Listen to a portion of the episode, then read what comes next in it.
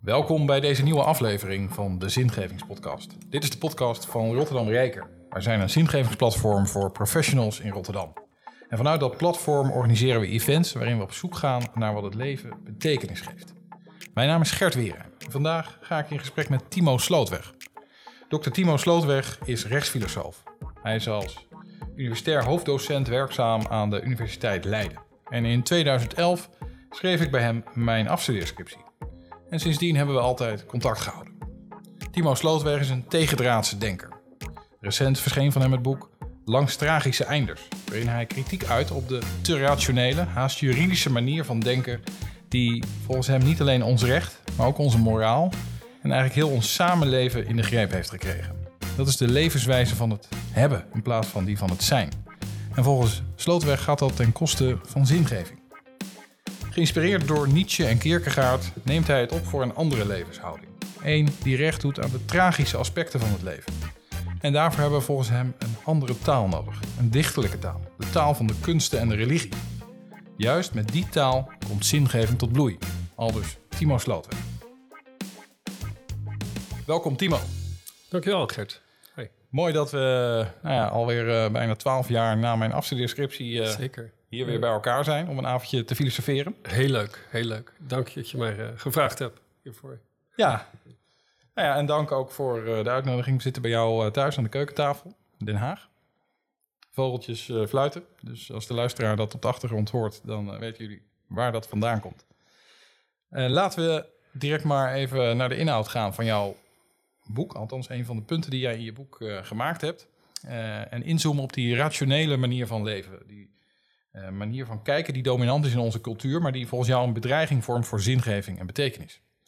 Er wordt wel eens gezegd hè, dat de hele filosofie, filosofiegeschiedenis eigenlijk neerkomt op voetnoten bij Plato.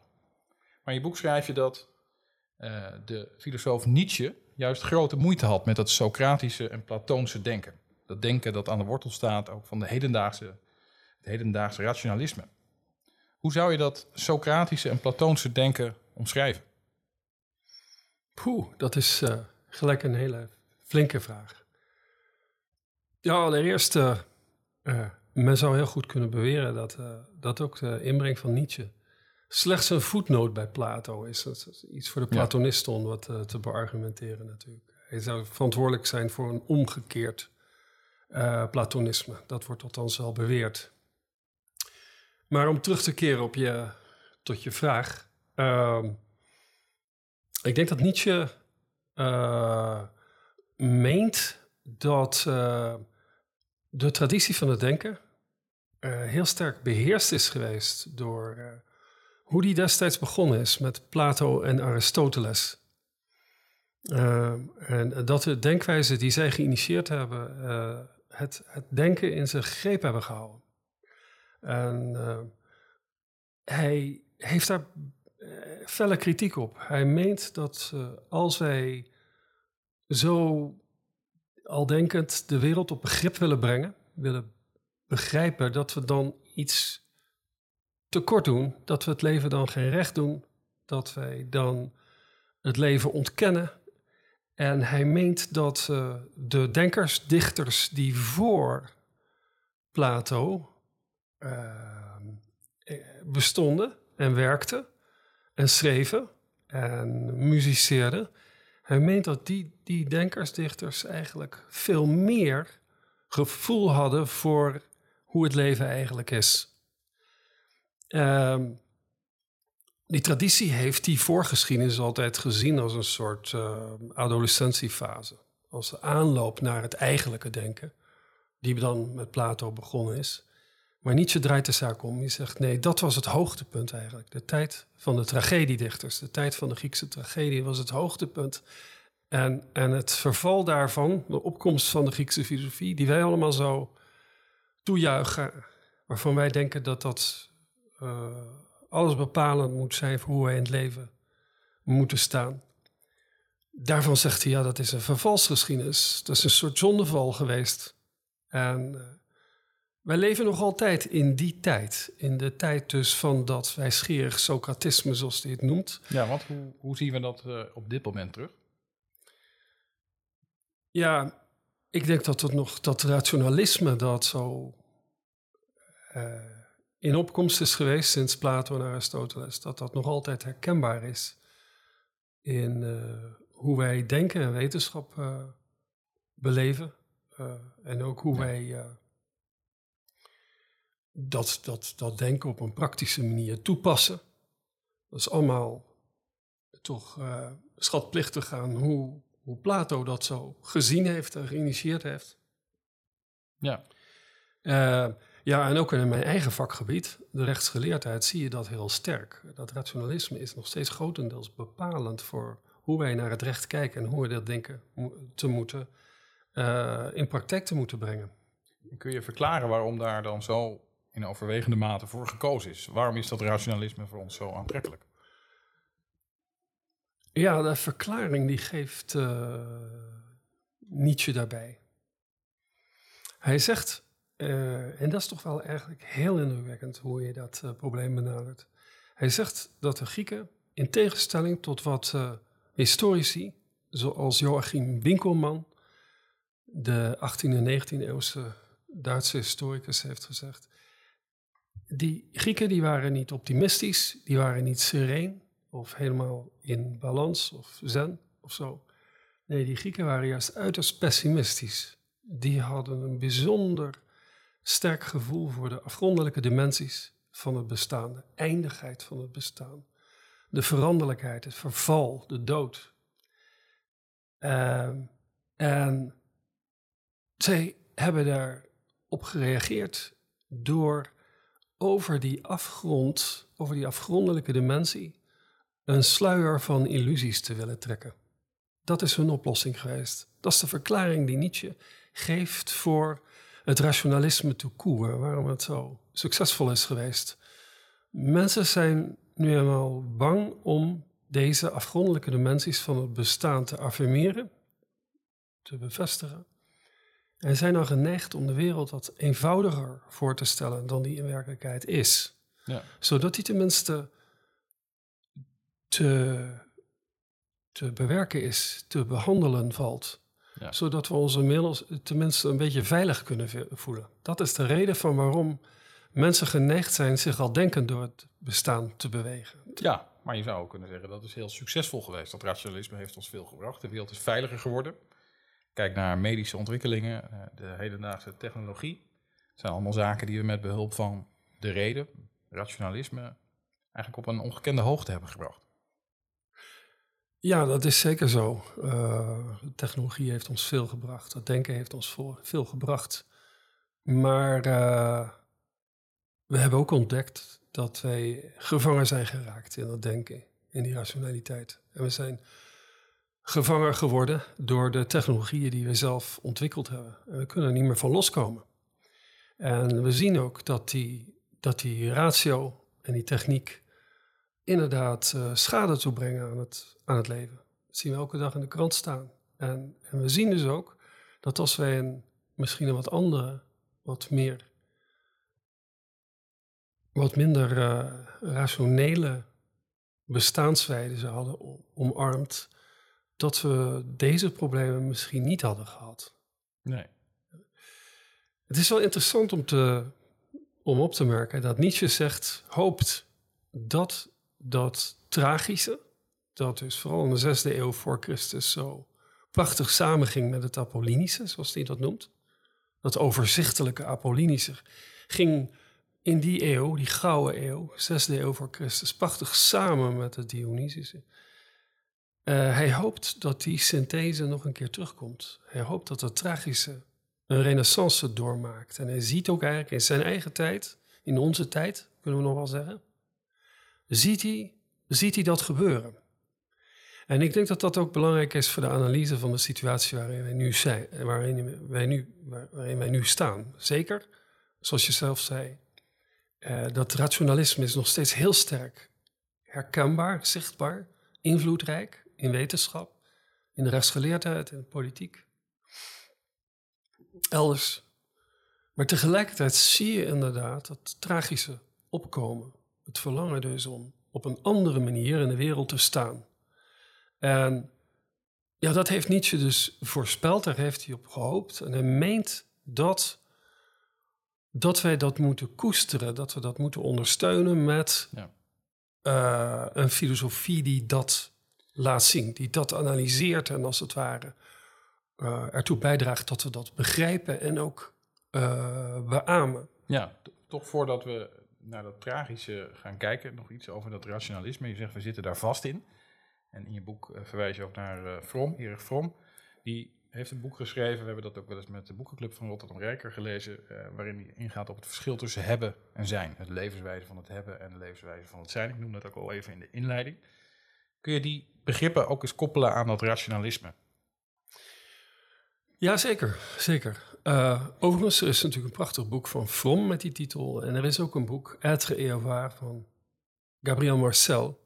eh, wat even voor dat boek van, van Fromm verschenen is. En wat Ja. uh, aanverwante thematiek eh, bespreekt. Ehm, als we proberen de wereld te vereenvoudigen. Uit angst voor een werkelijkheid die voller, rijker, eh, bedreigender is, ja, dan, dan, dan, dan hebben we het ook. Dan, dan betekent dat ook dat wij voorbij willen gaan aan verandering, aan transformatie, aan, ehm, aan breukervaringen, aan de eindigheid van het bestaan. Dat willen we het liefst maar allemaal wegstoppen. En, en als we dat dan doen, dan stellen we de wereld voor, meer onbewust dan bewust. Het is niet zozeer een keuze, zoals je zo even zei. Het is iets wat we ook onbewust doen, denk ik. Dan stellen we de wereld voor als dingen die aan zichzelf toebehoren, die zichzelf hebben, die eigenschap, die worden getekend door eigenschappen. En dat is heel interessant, want daarmee zijn we eigenlijk bij het juridische, nog voordat we over het recht in de dagelijkse zin van het woord komen te spreken, zijn we al bij het juridische. Het over eigendom. ja, wij hanteren een soort eigendomsrechtelijke ontologie, zijnsleer. Ja. Krachtens welke de dingen aan zichzelf toebehoren en mensen ook aan zichzelf toebehoren. Dus wezenlijk niet veranderen. Wezenlijk niet getekend worden door veranderingen of door breukervaringen of door crisis. Daar, daar zit de vereenvoudiging in. Dus in, als je het hebt over zingeving, ja, wij zijn eigenlijk bezig steeds zin te geven aan het bestaan door de dingen een, een vaste essentie toe te kennen of zo, eigenschappen toe te kennen, of een identiteit toe te kennen. Ja. Zodanig dat ze, als het ware, niet meer bewegen of niet meer in gevaar zijn, dat niet meer hoeven lijden of zich ook niet meer hoeven te verliezen. Ja. Zodanig dat ze niet toebehoren aan iets anders of aan het niets. Ja, Het is Fromm- allemaal Fromm zegt ook, je, je ziet dan heel veel het eh, gebruik van bezittelijke voornaamwoorden.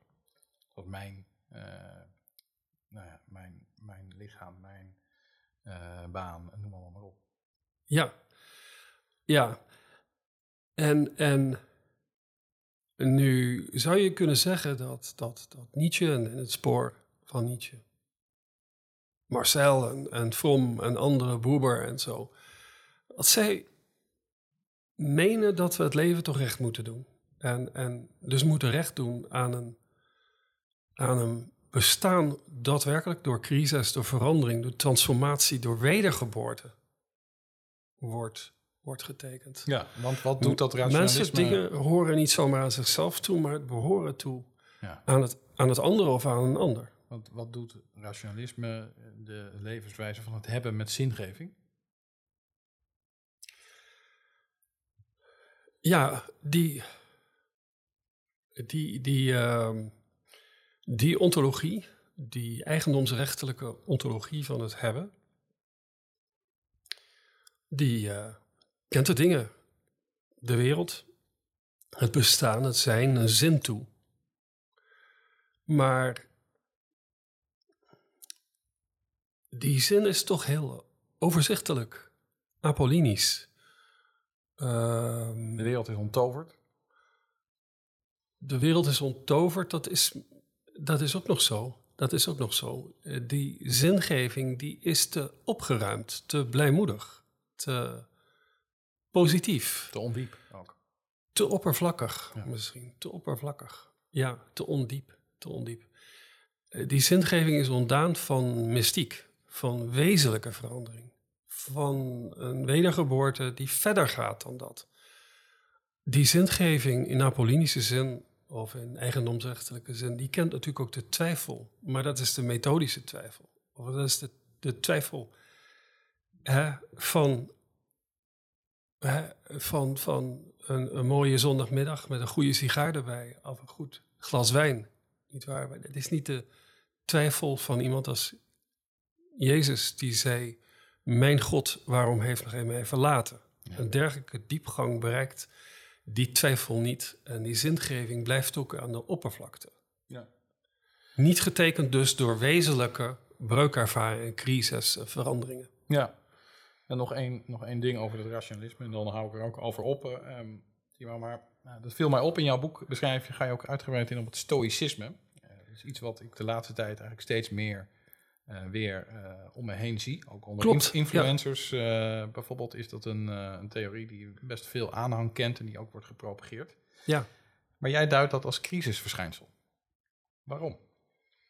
Ja, dan moeten we natuurlijk eerst het hebben over het stoïcisme zelf. Ja, wat dat ja, inhoudt. Zonder daar een, heel uitgebreid op in te gaan. Maar... Nee, maar het laat zich eigenlijk tegen de achtergrond van wat we juist besproken heel goed uitleggen. Want het stoïcisme is een Platoonse school oorspronkelijk geweest. Uh, met allerlei verschillen van dien hoor, maar uh, dus uh, vertegenwoordigers daarvan, Cicero, Seneca, ja. Marcus Aurelius, Epictetus en zo.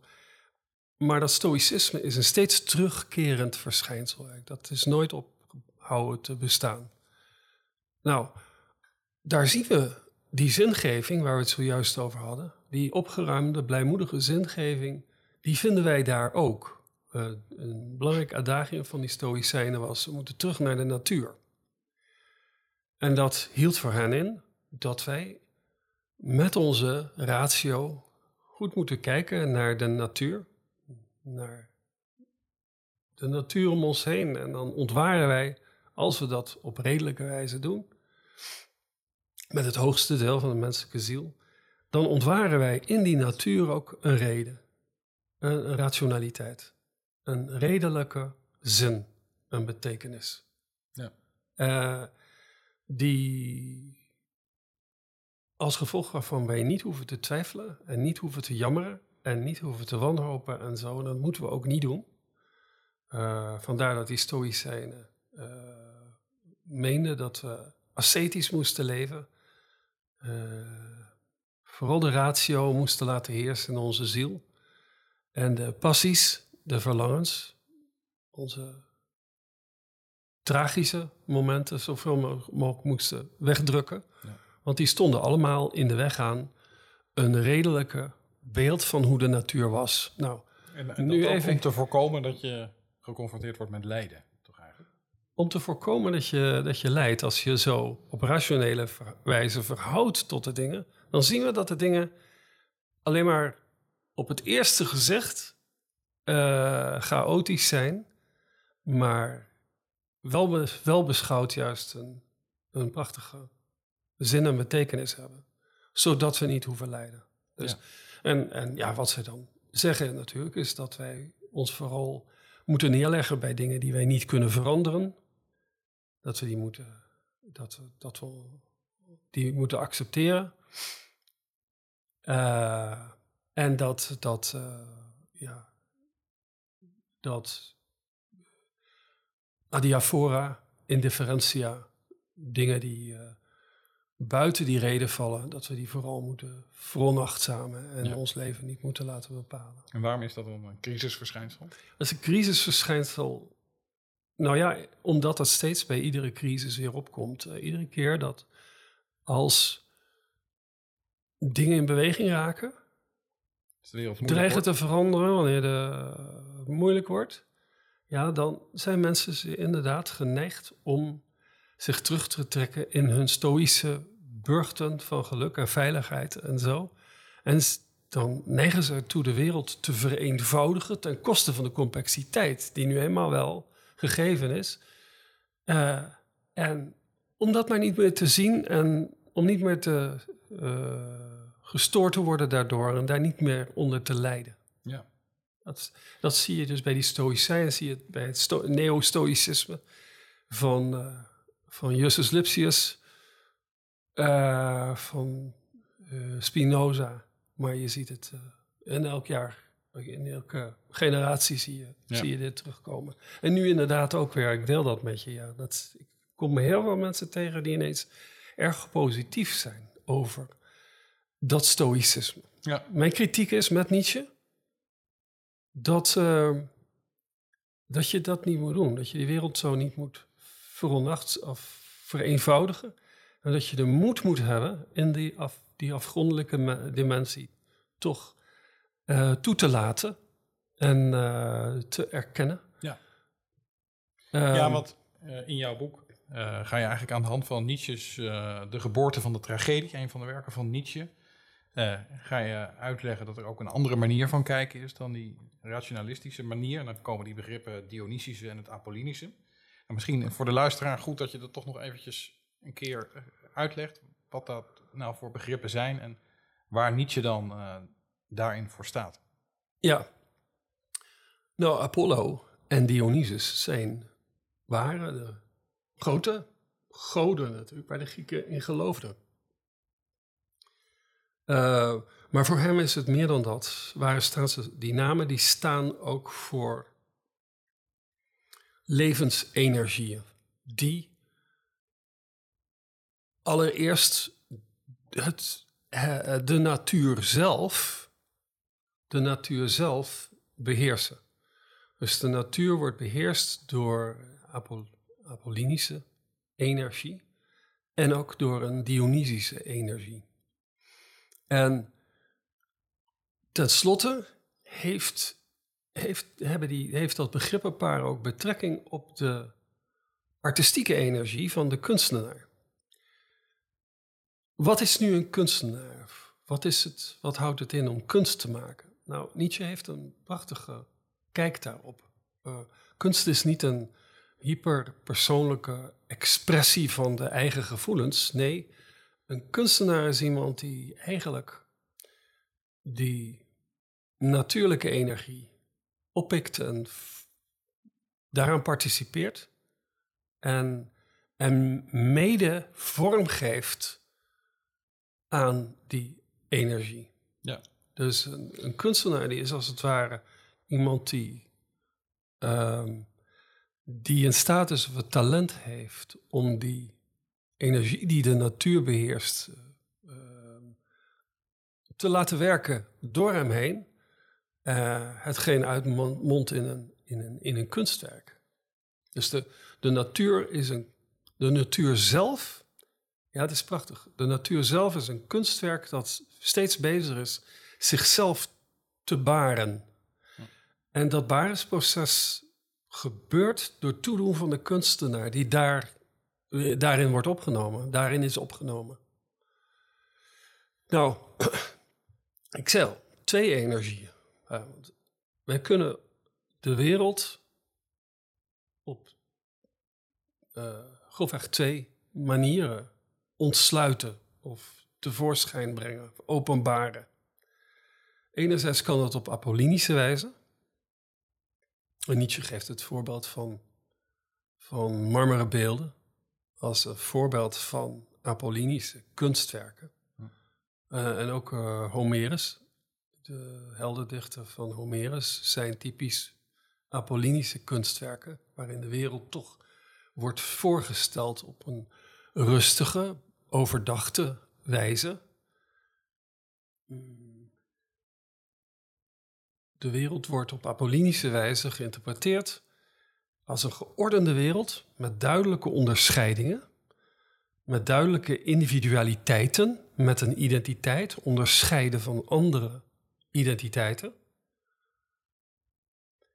Uh, en daartegenover staat de apollinische wijze om de wereld te ontsluiten. En dat is, ja, die, die, die wereld die daaruit naar voren komt, is heel anders. Die is vormeloos, zoals muziek. Die is wild, uh, orgiastisch. Eigenlijk ook zoals de Dionysische cultus, de cultus, de godsdienst rondom Dionysus zelf was. Iedereen weet het, met veel drank, drek, uh, uh, seks, drugs en rock'n'roll omkleed. Eigenlijk allemaal bedoeld om ja, die andere dimensie van het bestaan, die ongeordende dimensie van het bestaan, tot zijn recht te laten Meer komen. de roes dan de reden eigenlijk. Ja, dus dat Apollinische had misschien de overhand. Het was een soort staatsreligie. Eh, De religie gewijd dus aan, aan, aan Apollo en de kunst daaromheen. En, en krachtens die esthetica, krachtens die beleving van de werkelijkheid, hadden de dingen en mensen hun vaste individualiteit. Maar mensen, de Grieken, voelden toch ook dat ze Dionysus moesten aanbidden. Dat ze dat Dionysische tot hun recht moesten laten komen. Omdat zij ten diepste geen individuen waren met een identiteit. Omdat ze niet aan zichzelf toebehoorden. Omdat de wereld niet zo netjes geordend was.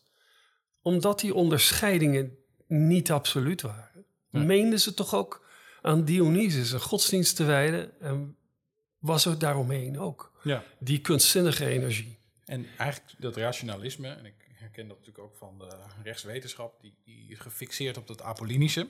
En eh, begrijp ik dan goed dat Nietzsche niet, zeg maar, zegt puur wij gaan voor het Dionysische, maar voor de combinatie van het Apollinische en het Dionysische. Ja, dat is precies eh, het geval. Dat is natuurlijk heel belangrijk om dat te onderscheiden. Eh, Nietzsche zegt die twee openbaringswijzen van de werkelijkheid, die wisselden elkaar steeds af in de, in de geschiedenis voor Plato en Aristoteles. Tot ze uiteindelijk bij elkaar kwamen. Hij benadrukt heel sterk dat dat Dionysische alleen, ja, dat is met het leven niet verenigbaar. Eh, een volgeling van Dionysus, de beroemde Silenus, die heeft eens gezegd: Het beste is nooit geboren te zijn. En het twee na beste is zo spoedig mogelijk te sterven. Kijk, dat is kenmerkend zoals die cultus ook eh, doorgaans vorm kreeg. Men wilde zich gewoon wegmaken. Ja. Eh, maar in die Gouden Eeuw kwamen beide bij elkaar. En, en, spreekt, en Nietzsche spreekt in dat verband over een synthese van het Apollinische met het Dionysische. De mens houdt vast aan zijn individualiteit, die Ja. met het leven mm, gegeven is. Ja. Maar tegelijkertijd heeft hij de moed om, eh, om dat Dionysische aan te roepen. En te vertrekken, te veranderen, te veranderen en te refereren op kunstzinnige wijze aan die Dionysische dimensie van het bestaan. Ja, en dan legt Nietzsche heel veel nadruk op de tragedie. Ja, dat gebeurt, zegt hij, dat gebeurt allereerst met de Griekse tragedie. Nog eens, daar zijn er ongeveer 10.000 van geschreven. Er zijn er maar weinig van overgebleven. Ik geloof maar iets van 13 die nog enigszins leesbaar zijn. En de belangrijkste tragediedichters waren natuurlijk Aeschylus, Euripides en Sophocles. Eh, ja, en die Griekse tragedie inderdaad eh, is, een, is een uitvloeisel van de, de cultus rondom Dionysus. Die godsdienst, dienaren, die dienaren die die cultus als het ware eh, vormgaven, die veranderden langzamerhand in een soort acteurs. En de mensen die daar aanwezig waren, veranderden in een koor. Eh, in het koor dat, dat voorop het podium stond. Ja, zo mag je eigenlijk niet spreken, want het was niet zomaar een voorstelling.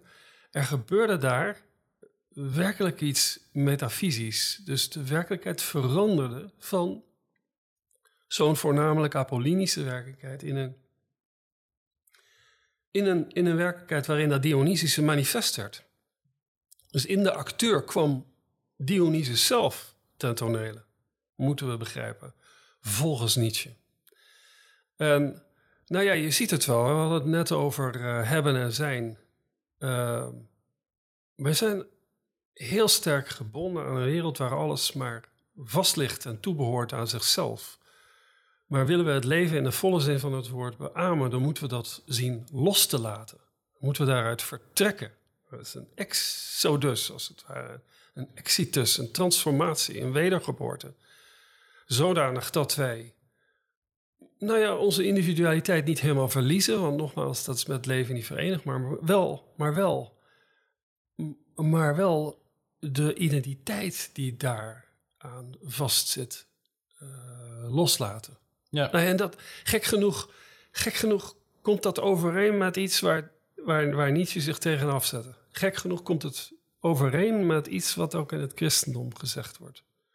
Dat als je jezelf verliest, dat je jezelf zult vinden. En dat je als je vasthoudt aan jezelf, dat je jezelf zult kwijtraken. Dat is een heel spannende, merkwaardige parallel tussen die beide uh, denkwijzen. Ja. ja, want dat is natuurlijk uh, wel opvallend hè, dat je uh, Nietzsche erbij haalt. Terwijl Nietzsche staat bekend als de nihilist. degene die ook juist heeft gezegd, we moeten de leegte om, omarmen. Veel mensen associëren dat niet direct met zingeving, maar jij doet dat wel. Ja, ik zou zeggen, maar dat is, dat, dat is gewoon een misverstand. Nietzsche heeft zich verzet tegen het nihilisme, heeft tegen gewaarschuwd. Hij stelt in, Voorbij Goed en Kwaad, jenseits van Goed en Beuze, zegt hij... Ja, wij, God is dood, wij hebben hem gedood. Wij hebben hem om zeep gebracht. Hij waarschuwt eigenlijk dat wij onder die condities wel moeten oppassen. En dat wij ook wel bereid moeten zijn de gevolgen daarvan te dragen. Overigens bedoelde hij met de dood van God schijnbaar de dood van de Platonische God, van het, het Platoonse christendom. Het rationele, kloppende. Het rationele, dat, dat, dat, dat rationalisme zoals dat in de religie is doorgedrongen en daar zich meester heeft gemaakt van het goddelijke. Misschien is die God wel eigenlijk meer zoals Dionysus. Uh, en is dus de dood van God een, een uh, ja, een, een, bijna een soort preconditie voor een andere soort godsdienst die daardoor mogelijk wordt. Een meer eigenlijke godsdienst die het leven wel recht doet. Ja, ja naast uh, Nietzsche bouw je ook voort op andere denkers hè, die meer in die school uh, zitten. De existentiefilosofen, Pascal, Kierkegaard, Unamuno, ook de uh, vroege christelijke denker uh, Augustinus. Boeber. Martin Boeber. zoals je weet ben ik zelf ook groot fan van Kierkegaard. Daar ging mijn scriptie destijds ook, ook over. Maar kun je eens beschrijven hoe dat antirationalistische, dat tragische denken eigenlijk ook bij Kierkegaard terugkomt? Ja, en dat, dat, dat heb ik inderdaad geprobeerd te doen in mijn boek. Um, en dan heb ik willen vasthouden aan wat ik bij Nietzsche heb gevonden. Aan de betekenis die Nietzsche aan dat tragische toekent. En daar hebben we het zojuist over gehad. Ja. We zien bij Kierkegaard, net als bij Nietzsche, dat hij zich verzet tegen het denken. En tegen het denken zoals dat door Plato en Aristoteles steeds maar bepalend is geweest voor die traditie. Daar verzet hij zich tegen. Ja. En, en dat doet hij omwille van, van zijn geloof. Van hij denkt dat het belangrijk is, dat het uh, noodzakelijk is dat we dat blijven voeden. Hij meent dat dat, dat, dat geloof ten onder gaat aan, ja, aan de hebbelijkheid van de mens om alles maar te willen begrijpen. Ook zelfs, ook zelfs die God. Die God is niet een soort statisch ding dat zichzelf, uh, dat eigenaar is van zichzelf. Die God is een komende God. Een, een God die steeds op ons toekomt. In het dagelijks leven. Heel belangrijk voor zingeving natuurlijk. In het dagelijks leven is die God een levende God. Die we als zodanig moeten beamen waar wij als zodanig in moeten geloven. Uh, om daartoe te komen moeten we inderdaad de beperkingen van dat denken te boven zien te komen. Die hebbelijkheid van te willen denken, de zonneval wellicht, die moeten we te boven zien te komen om die God, die persoonlijke God te ontmoeten. Uh, die, die God die is, die kunnen wij niet van ons uit benaderen. Wij kunnen niet vanuit onszelf, door het denken alleen, opklimmen tot God. Nee, die God is naar ons toegekomen, is de trap afgekomen, als het ware. Om ons, uh, ja, om ons met zijn, met zijn, met zijn liefde te, te, te bezoeken. Ehm, en dat heeft hij gedaan, zegt, zegt, uh, zegt Kierkegaard steeds in de vorm van een paradox. Hij is mens geworden. Hij was God en mens. En het is die paradox waar het denken niet mee overweg kan. Het denken probeert die paradox weg te verklaren op allerlei manieren. Maar dan, ja, dan is hij er niet meer als paradox. Dan miskent hij eenvoudigweg die, uh, uh, de persoon van, van, van, van, van Christus. Uh, wat is nu zo belangrijk van dit verhaal voor een publiek dat niet gelooft? Het is eigenlijk heel eenvoudig. Die, over die Christus staat geschreven dat hij zich achter iedere naaste, achter iedere ander verbergt. En dat geeft ons de mogelijkheid om hier lering uit te trekken, ook als wij, laten we zeggen, dat, dat, dat strikt of eigenlijk christelijke een beetje loslaten. Ook ten overstaan van de ander ervaren we dat paradoxale. Ervaren we dat we die ander niet zomaar op een rationele wijze kunnen behandelen of ontmoeten of recht kunnen doen. Dat kunnen we niet doen. En ook ten overstaan van de ander ervaren we dat de, de noodzaak dat dat denken te boven te komen. Ja. Te, moeten, te moeten komen. Ja, dat is denk ik zoals je, zoals je dat zou moeten uitleggen. Uh, later is dat uitgewerkt door iemand als Martin Buber. En die, die maakt een onderscheid tussen ik en het en ik en jij. En die zegt ja, in dat ik en jij, ja, daar komt eigenlijk dat Dionysische van Nietzsche terug. Ja. Dat is een wereld die niet per se makkelijker is, of overzichtelijker, of de zaken veiliger maakt, of wat dan ook. Maar dat is wel het echte leven. Uh, en dat is het leven dat wij uiteindelijk niet, waar we niet aan mogen voorbij gaan. Ook niet in instituties, ook niet in het recht of in de politiek. Dat moeten we toch steeds aangaan, dat waagstuk van een ander te, moeten, te, te willen ontmoeten. Ja.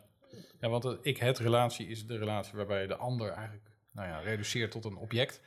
Terwijl ik-jij, dan sta je echt open voor de ander als ander. En, en de, nou, de aanspraak die die misschien op je doet. Ja, ja, precies. Ja, dat is precies wat ik bedoel. Dat, dat grondwoord ik-het, als je de wereld benadert als een, als een onpersoonlijk ding... en ook mensen als zodanig benadert nou ja, dan, dan ontsluit je eigenlijk een wereld die je met Nietzsche apollinisch zou kunnen noemen. Die is overzichtelijk. Uh, daar kunnen we ook niet omheen hoor. Dat moeten we ook doen. Een groot deel van de dag.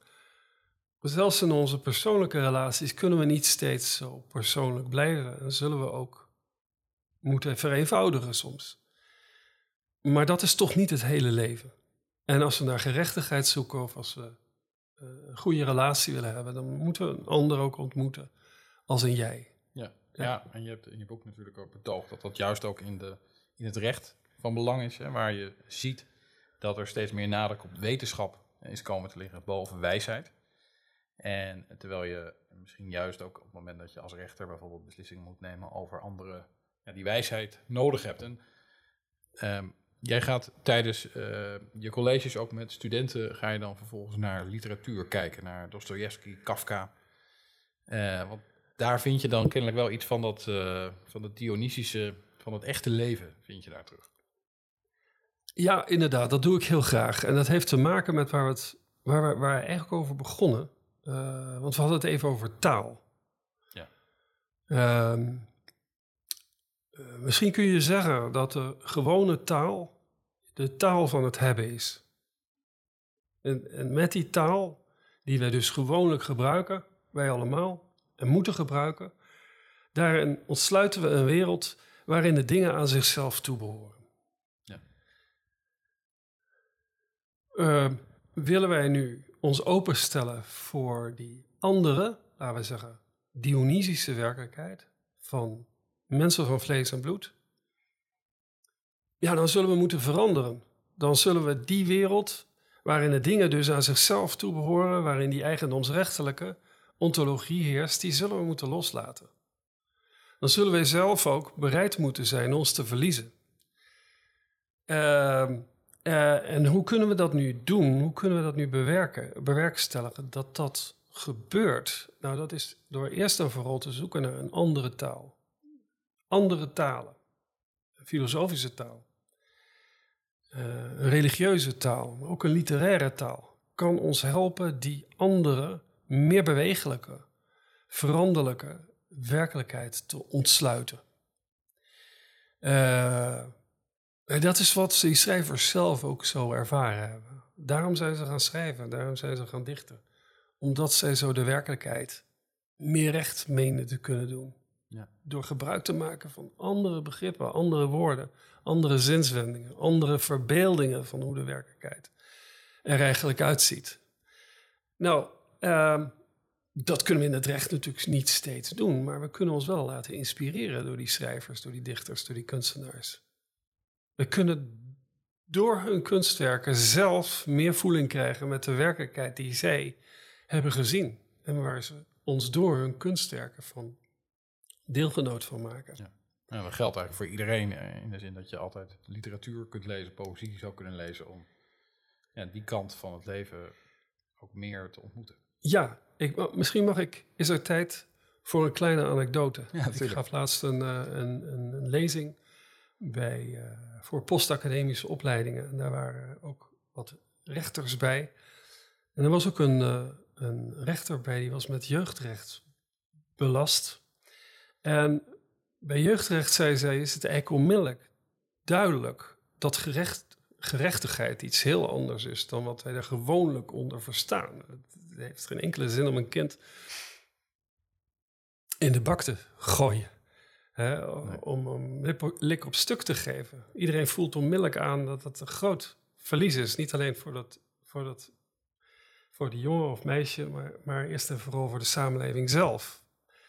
En zij zei, ja, de, de kunst is toch steeds om met die jongens en meisjes in contact te raken. Zij had het dan over recidiverende delinquenten die echt alsmaar weer uh, voor de rechter verschijnen. En ze zei, ja, hoe doe je dat nu? Want de gewone taal is niet toereikend. Als je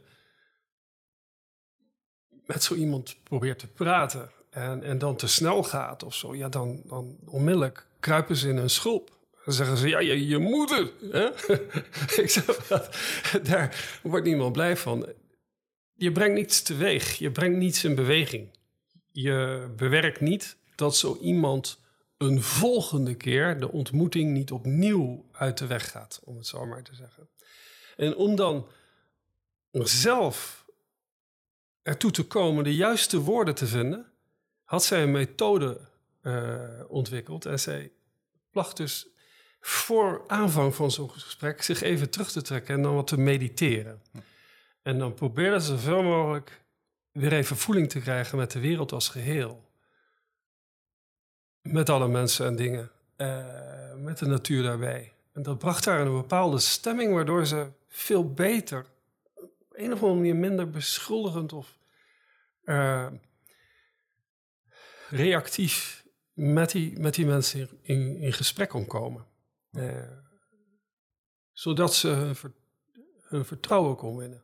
Ik denk dat het een heel mooi verhaal is eigenlijk. Het is een heel simpel verhaal van hoe in het werk deze ja, theoretisch ingewikkelde thematiek uh, van belang kan zijn.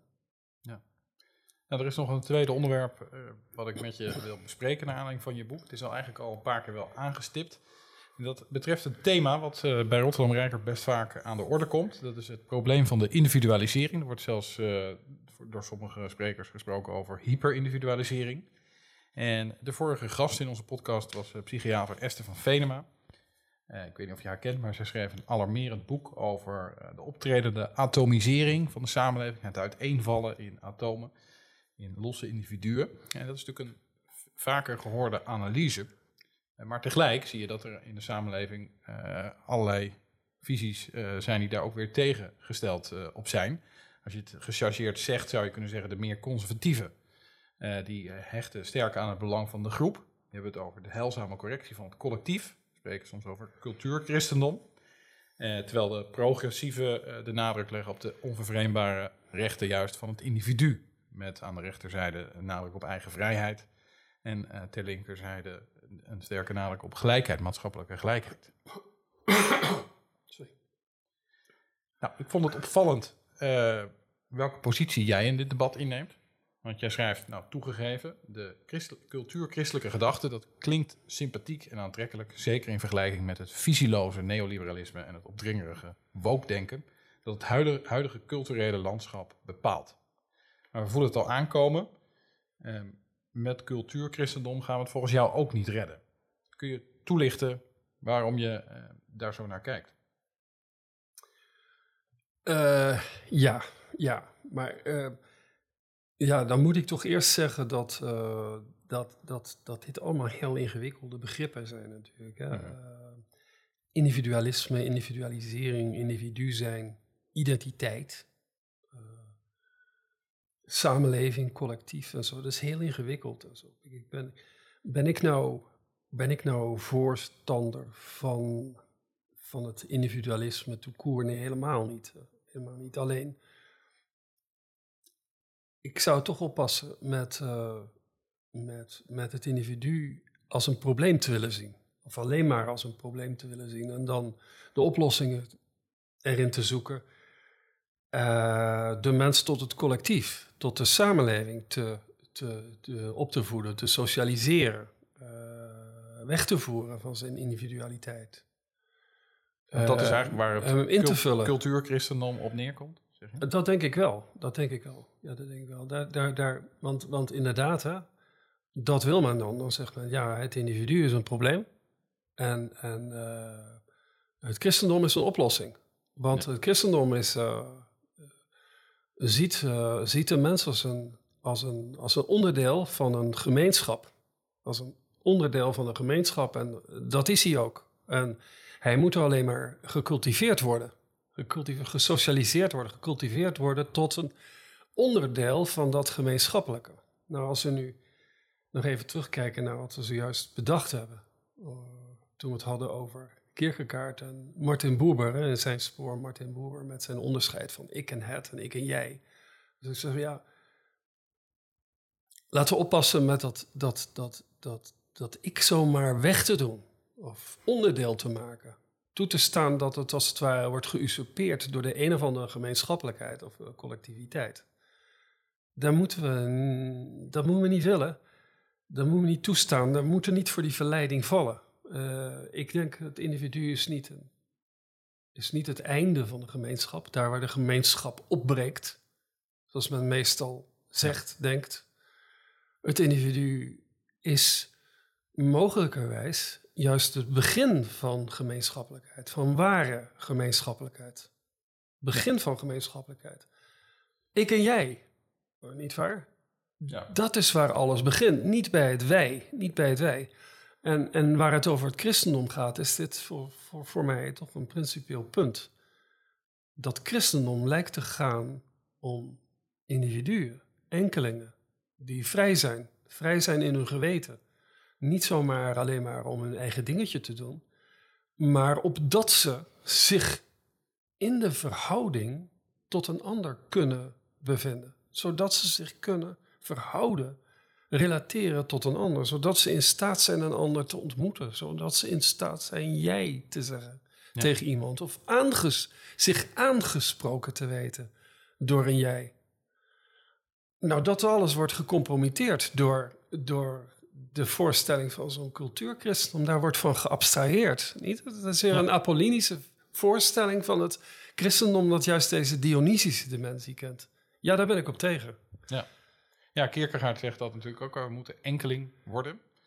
En jij beschrijft dat dat later ook de stroming van het personalisme is uh, geworden. Kun je daar wat over, over zeggen, het personalisme?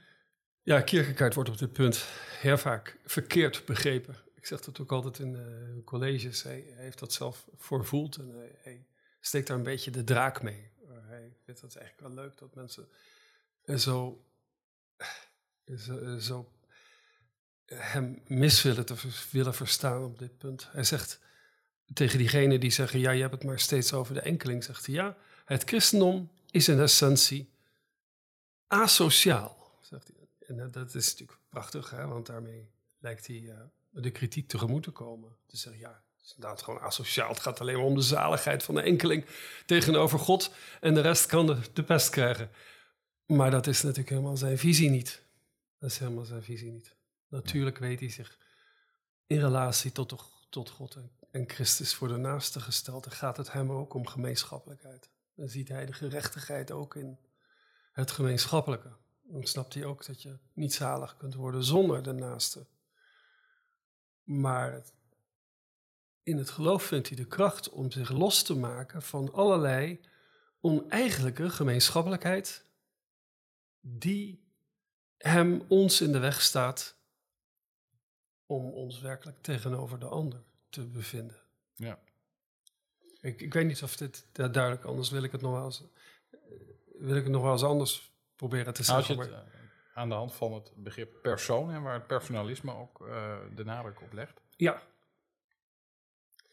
Ja, dus bij, bij in dat personalisme, ja, dat is natuurlijk heel sterk door Kierkegaard beïnvloed geweest. Dat kent allerlei stromingen, dat kent allerlei varianten. Katholieke, protestante varianten. Uh,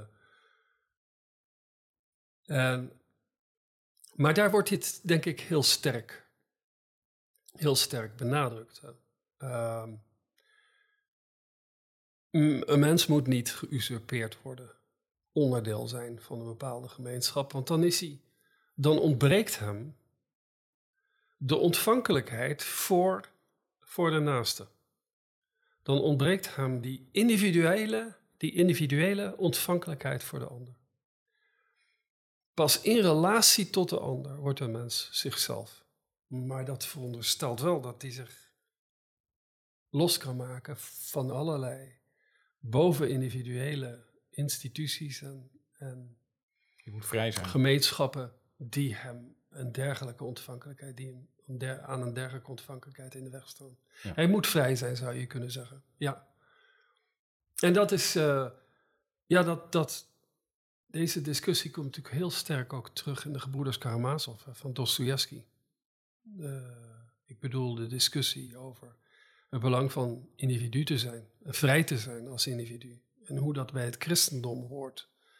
Dat heeft die Ivan heel goed gezien. Ivan die zelf niet kan geloven, een van die broers dus, die ja. zelf niet kan geloven, die heeft dit in die legende van de grote inquisiteur, heeft hij dat vlijmscherp uiteengehaald. Ze zegt, ja, dat is inderdaad het christendom. Dat is inderdaad de twijfel, de onzekerheid van zelf je tegenover de ander te bevinden. En dan zonder de, het houvast van de wet, met alleen het gelaat van Christus en de naaste voor je als, als, leids, als leidraad te moeten kiezen, het leven vorm te moeten geven. Dat heeft hij heel scherp gezien en hij is daarvan teruggezokken. Gezegd, ja, als dat het christendom is, ja, dan, dan had Christus maar beter gewoon het, uh, die verleidingen van de duivel aan kunnen nemen. Dan had hij maar beter gewoon kunnen kiezen, ervoor kunnen kiezen om dat christendom anders vorm te geven. Als een cultuurchristendom misschien.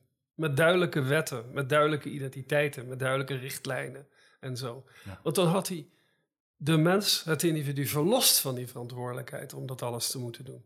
Maar ja, ja uh, wie, dat lijden moeten we ons op, ons nemen. Dat is wat er bij het christendom, dat hoort bij het christendom niet alleen, maar dat hoort bij het hele leven en het hoort ook zelfs, zelfs bij de democratie. We moeten mensen daar niet, moeten niet, mensen niet willen ontlasten daarvan. Nee, we moeten hem bemoedigen. We moeten hem sterk maken, zodat hij die last kan dragen. In de opvoeding, op school, in de democratie. Als we dat niet doen, dat was Nietzsche's angst.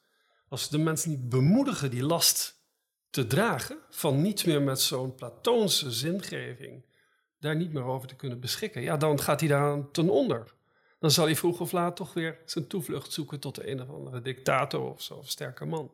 Ja. Het woord identiteit uh, viel al een paar keer.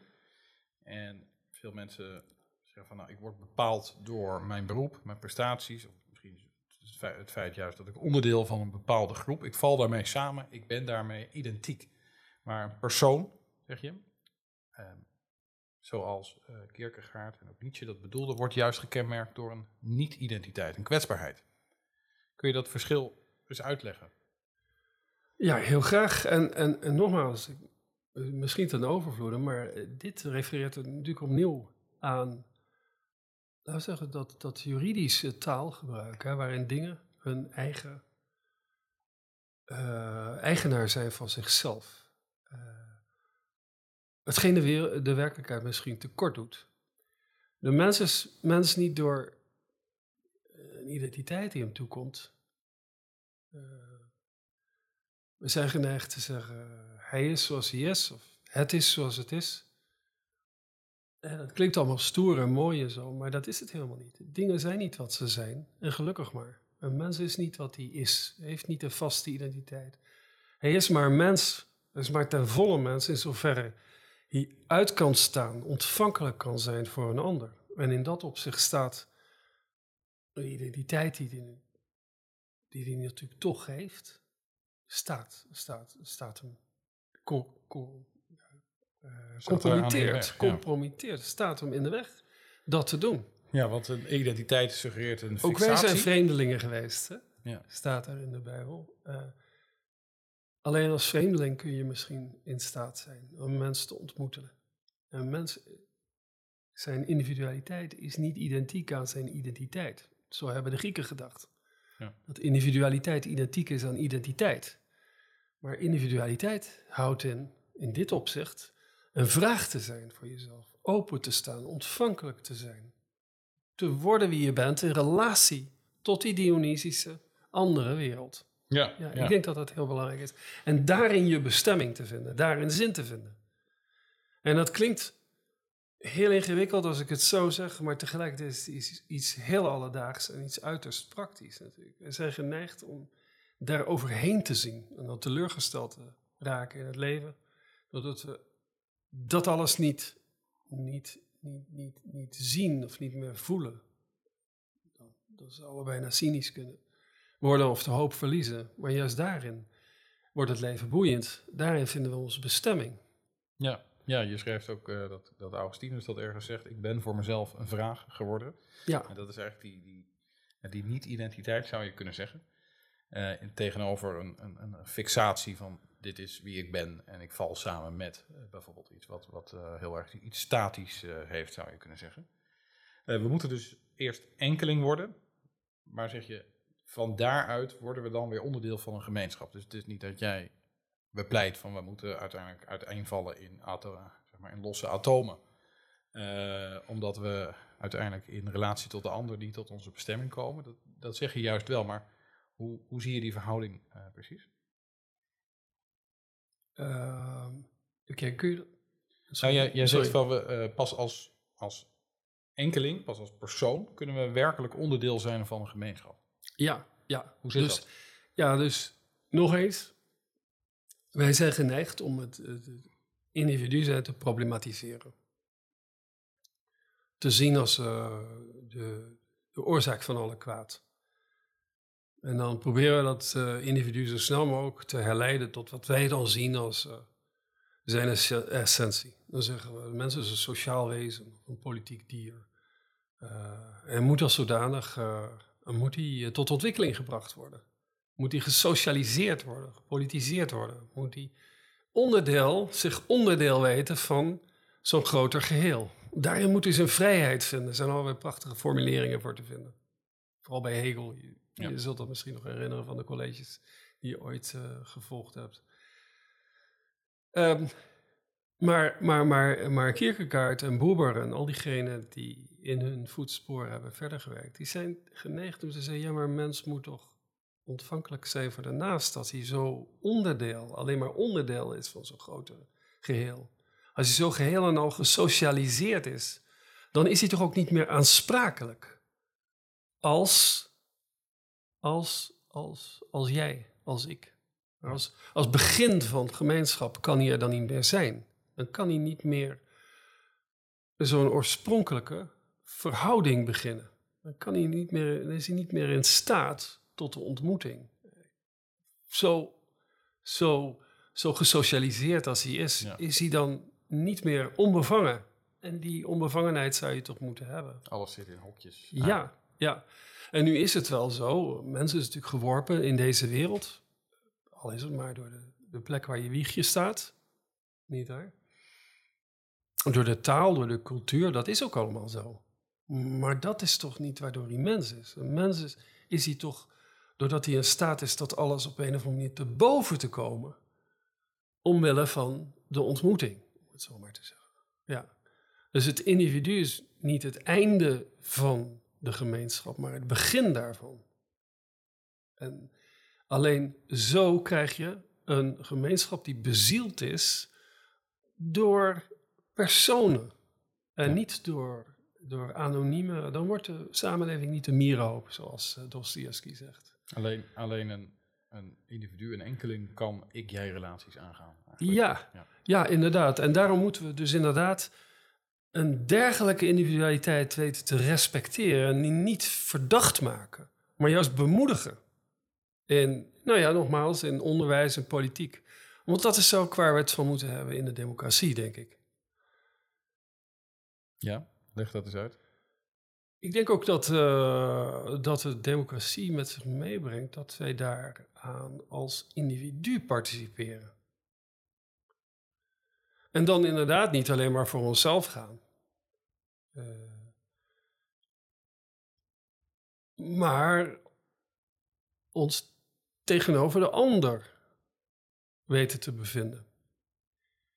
Uh, als wij zomaar participeren aan die, aan, aan die constitutievorm door uh, onderdeel te zijn van, van, een, van een kudde, of onderdeel te zijn van een sociale cultuur of van de sociale media, alleen maar bepaald daardoor, maar ja, dan heb je eigenlijk alleen nog maar in overdrachtelijke zin met een democratie te maken. Niet meer in eigenlijke zin. Dan heb je een di dictatuur eigenlijk. Ja. We worden geacht als individu te participeren, opdat wij ons ook als individu ten opzichte van anderen kunnen bevinden. En, en op basis daarvan onze keuzes, beslissingen te, En wij dreigen te, nu te, te veel te nemen. kuddedieren te worden. Ja, ja, analyse van de tegenwoordige situatie is, is die, die vind ik altijd moeilijk, de politieke situatie. Ik ben niet zo'n duider van de politieke situatie, maar dit lijkt mij gewoon een elementair iets van de democratie te zijn, waar je sowieso aan vast kunt houden. Wel kun je zeggen, nou als dit nu democratie is, als de ziel van de democratische mens is, niet een, niet een mens dat door allerlei so sociale cultuur, cultuurverschijnselen gedetermineerd is, gesocialiseerd is. Maar een individu dat zich als individu ten opzichte van de naaste kan bevinden, nou ja, dan kun je vraagtekens stellen bij bepaalde culturele verschijnselen. Bijvoorbeeld bij die, de neiging van sommigen, je refereerde daar zelf al aan, om nu, uh, om nu dat, dat individu los te laten en weer terug te gaan naar het gemeenschappelijke. Ja. Daar kan je wel. En dat heb je bij ter linkerzijde natuurlijk gehad in de afgelopen eeuw. Het communisme, het socialisme. Uh, maar ook ter rechterzijde zie je dat gevaar van een collectiviteitsdenken, een communitarisme, wat mij niet aanspreekt. Precies Ja. omdat je het kind met het badwater weggooit. Nou, ik wil graag eh, gaan afronden en ik heb eh, nog een laatste vraag, eh, Timo. Wat zou je willen meegeven aan mensen die bezig zijn met een zoektocht naar zingeving vanuit eigenlijk die existentiefilosofie die we net besproken hebben? Nou, ik denk dat ik inderdaad dat toch belangrijk vind om te zeggen. Die zingeving die bestaat in de bestemming die ik ervaar. Zodra ik mij tegenover de naaste bevind, dat is de zingeving die we zoeken. Niet allerlei grote gedachten, niet allerlei wereldplannen of zo. Die zijn er ook van belang hoor. Maar dit is, dit is, dit is, uh, dit is wat het leven vol en rijk maakt, denk ik. Als we daar niet overheen zien. daarin kunnen we onze bestemming vinden en ons... het kleine goede, eigenlijk. Ja, ja, de kleine waarheid zou je bijna zeggen. Maar ja, zo clichématig als het klinkt, het is toch echt heel belangrijk, denk ik. In ons werk, op de plaats waar we zijn, hier en nu, daar gebeurt het. En hoe prozaïs dat alles lijkt, daar is de mystiek, daar is het Dionysisch te vinden. Daar gebeuren mooie dingen, daar kan je het verschil maken. En ik denk dat dat je moet inspireren. Het boek is bedoeld om, om, om dat ook verder te bevorderen. Dat mensen dat komen te zien, te appreciëren. Ik kan zeggen, ja, dat is de praktijk, daar heb ik die dure woorden niet voor nodig. Maar ook die woorden die helpen. Ook die analyses van Nietzsche, van Kierkegaard en anderen, die helpen om dit, om dit te zien. Ja. En, en om, dat, om het individu niet los te laten. Want, uh, dat is het begin van gemeenschap. Nou, dank uh, voor het schrijven van dit boek, Timo. En dank ook voor jouw bijdrage aan deze podcast. Uh, dank ook aan de luisteraars. Uh, en wil jij ook aan de slag met zingeving, hou dan onze website in de gaten. Want we zijn bezig met het organiseren van allerlei mooie events voor na de zomer als Rotterdam Rijker. En ik wens uh, jou als luisteraar een zinderende, maar ook zingevende zomer toe. En ik hoop je na de zomer weer op een van onze events te ontmoeten. Ten slotte, vergeet niet je te abonneren op deze podcast en een beoordeling achter te laten. Dan worden we nog beter gevonden. Dankjewel.